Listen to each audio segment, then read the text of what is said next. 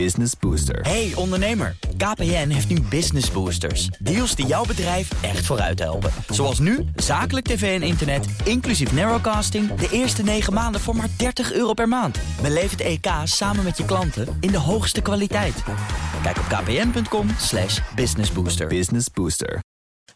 The Daily Move. BNR Nieuwsradio. Kees Dorrestein en Liesbeth Staats. De Tweede Kamer wil meer haast maken met de productie van groene waterstof. Want dat zou de transitie naar een duurzame industrie enorm versnellen. In 2030 moet het vermogen niet 4, maar 8 gigawatt zijn.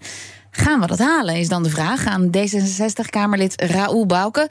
Hij is in Den Haag en daar is ook politiek verslaggever Sophie van Leeuwen. Ha, Sophie, jij sprak Hey, eh, net al eh, Liesbeth. klimaatminister Jette. Ja, die was ook in de Tweede Kamer. En ja, ik moet toch wel zeggen, hij zegt 8 gigawatt. Dat gaan we toch niet halen in de komende 7, 8 jaar. Het is wel iets te ambitieus, zo lijkt het. Want onze windmolens zijn dan nog niet allemaal af. Want die heb je allemaal nodig voor die groene waterstof.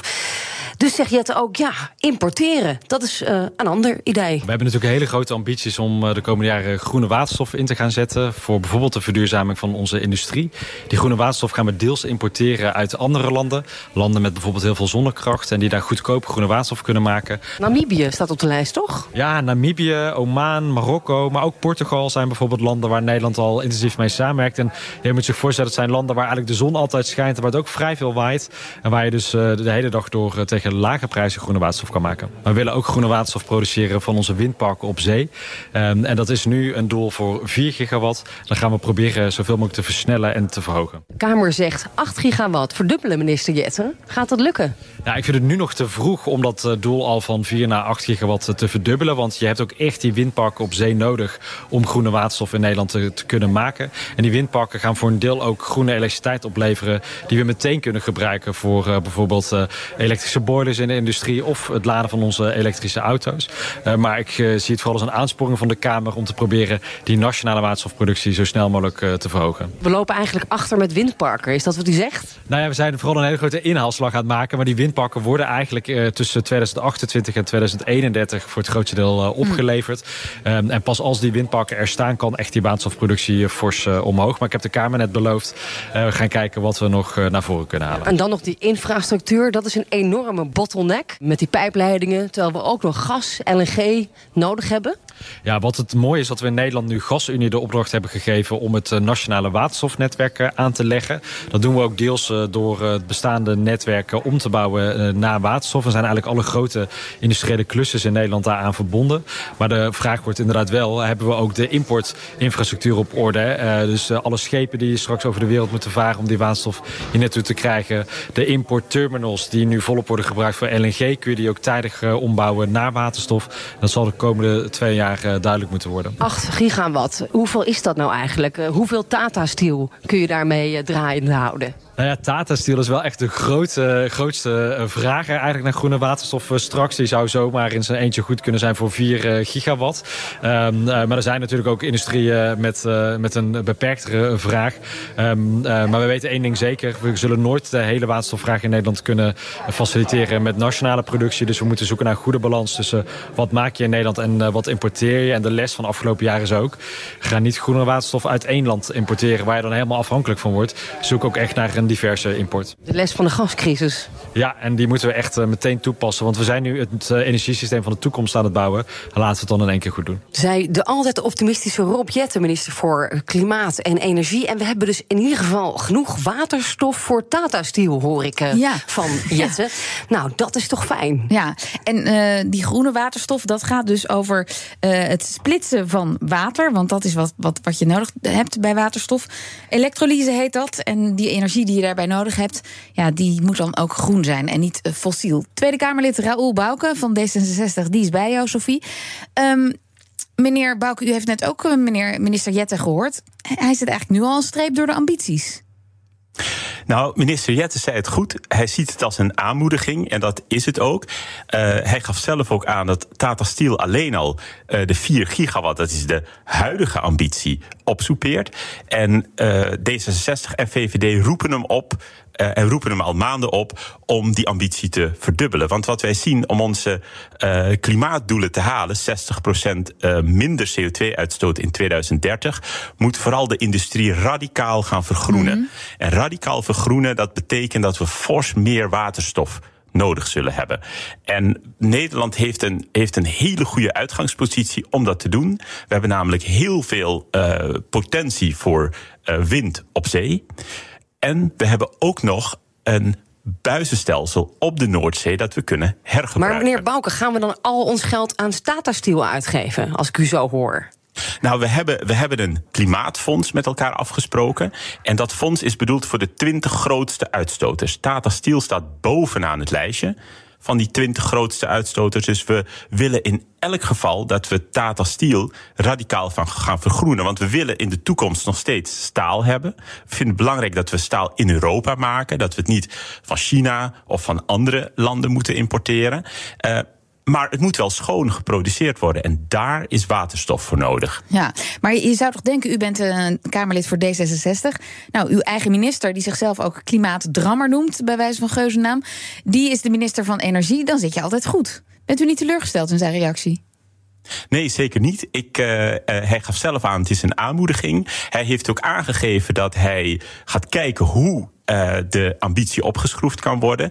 Wat wij, D66 en VVD, horen van de industrie dat we dit nodig hebben. We zien ook dat het kan. En hoe de precieze invulling in het precieze jaar moet gebeuren, daar kunnen we het zeker over hebben. Maar minister Jette onderschrijft ook dat we veel meer, veel meer dan die 4 gig nodig zullen ja. hebben. En um, we hadden het dus over die verdubbeling die u graag ziet, van 4 gig naar 8 gigawatt. Um, waar gaan we die allemaal voor gebruiken? Alleen voor de grote industrieën of ook uh, de auto uh, en uh, kleinere, kleinere ehm, ontvangers? Ja, waterstof zal schaars zijn de komende, de, het komende decennium. En ik denk ook nog de decennia daarna. Dus je moet heel goed kijken dat je waterstof gebruikt waar er geen alternatieven zijn. De eerste stap is elektrificeren. Dus processen uh, elektrificeren, zodat je elektriciteit in eerste plaats gebruikt. Daarna komt waterstof. Maar waterstof gebruik je alleen als er geen enkel ander alternatief is, wat ons betreft. Dat wil zeggen, in de zware industrie, zoals bijvoorbeeld Tata Steel, zijn nog wat andere plants die waterstof nodig zullen hebben. In de uh, mobiliteit uh, de zware mobiliteit, dus met name het zware vrachtverkeer. Mm -hmm. Dat is heel moeilijk te elektrificeren. Uh, daar zie ik ook toepassingen. En in de toekomst ook voor de luchtvaart. Want we weten dat de luchtvaart eigenlijk de moeilijkst uh, moeilijkste sector is om schoner te maken.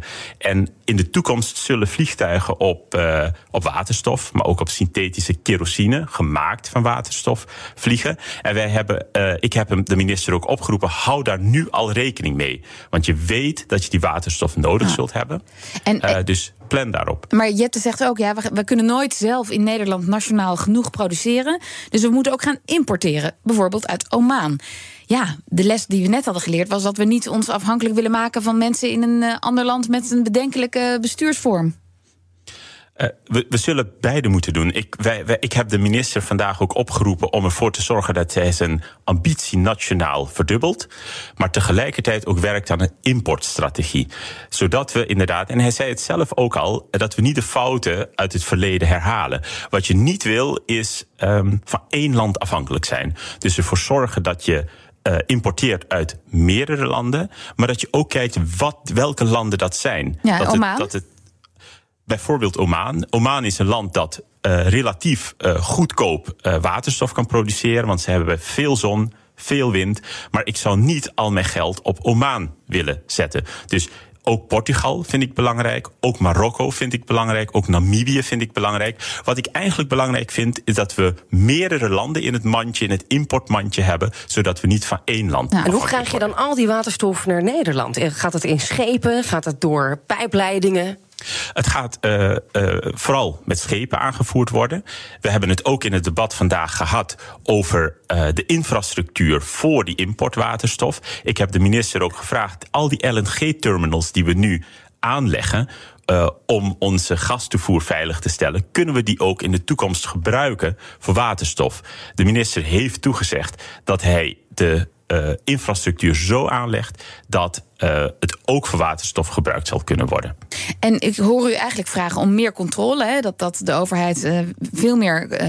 Plant op lange termijn voor onze energievoorziening, groene energievoorziening. Maar heeft Nederland eigenlijk wel controle? Bijvoorbeeld op de Noordzee, waar zoveel windparken moeten verschijnen.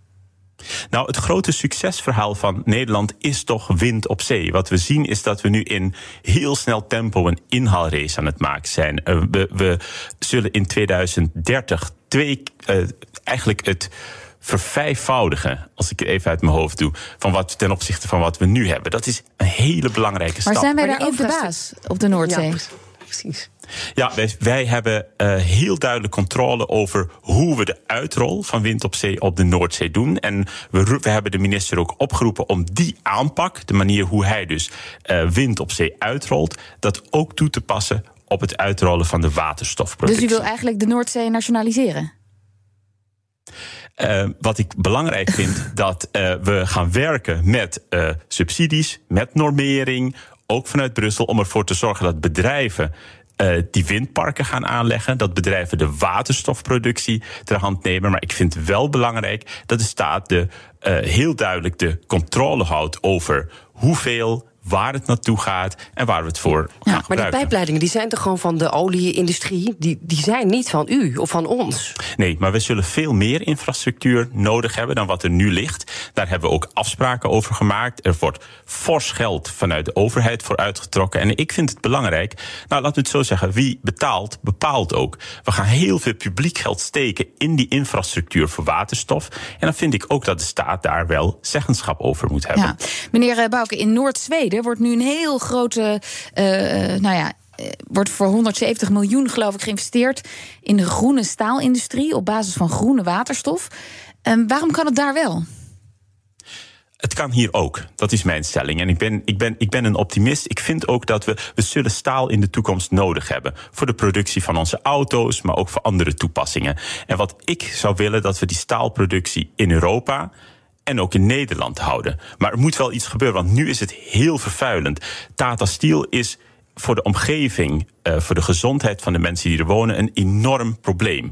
En wat we willen, dat er op korte termijn een vergroeningsslag gemaakt wordt bij Tata Steel. Zodat de gezondheid van de omgeving verbetert, zodat de CO2-uitstoot fors omlaag gaat en uh, we wel staal blijven produceren. Dank u wel, Raoul Bouke, Kamerlid voor D66 en onze politiek verslaggever Sophie van Leeuwen. Business Booster. Hey ondernemer, KPN heeft nu Business Boosters. Deals die jouw bedrijf echt vooruit helpen. Zoals nu, zakelijk tv en internet, inclusief narrowcasting... de eerste 9 maanden voor maar 30 euro per maand. Beleef het EK samen met je klanten in de hoogste kwaliteit. Kijk op kpn.com businessbooster. Business Booster.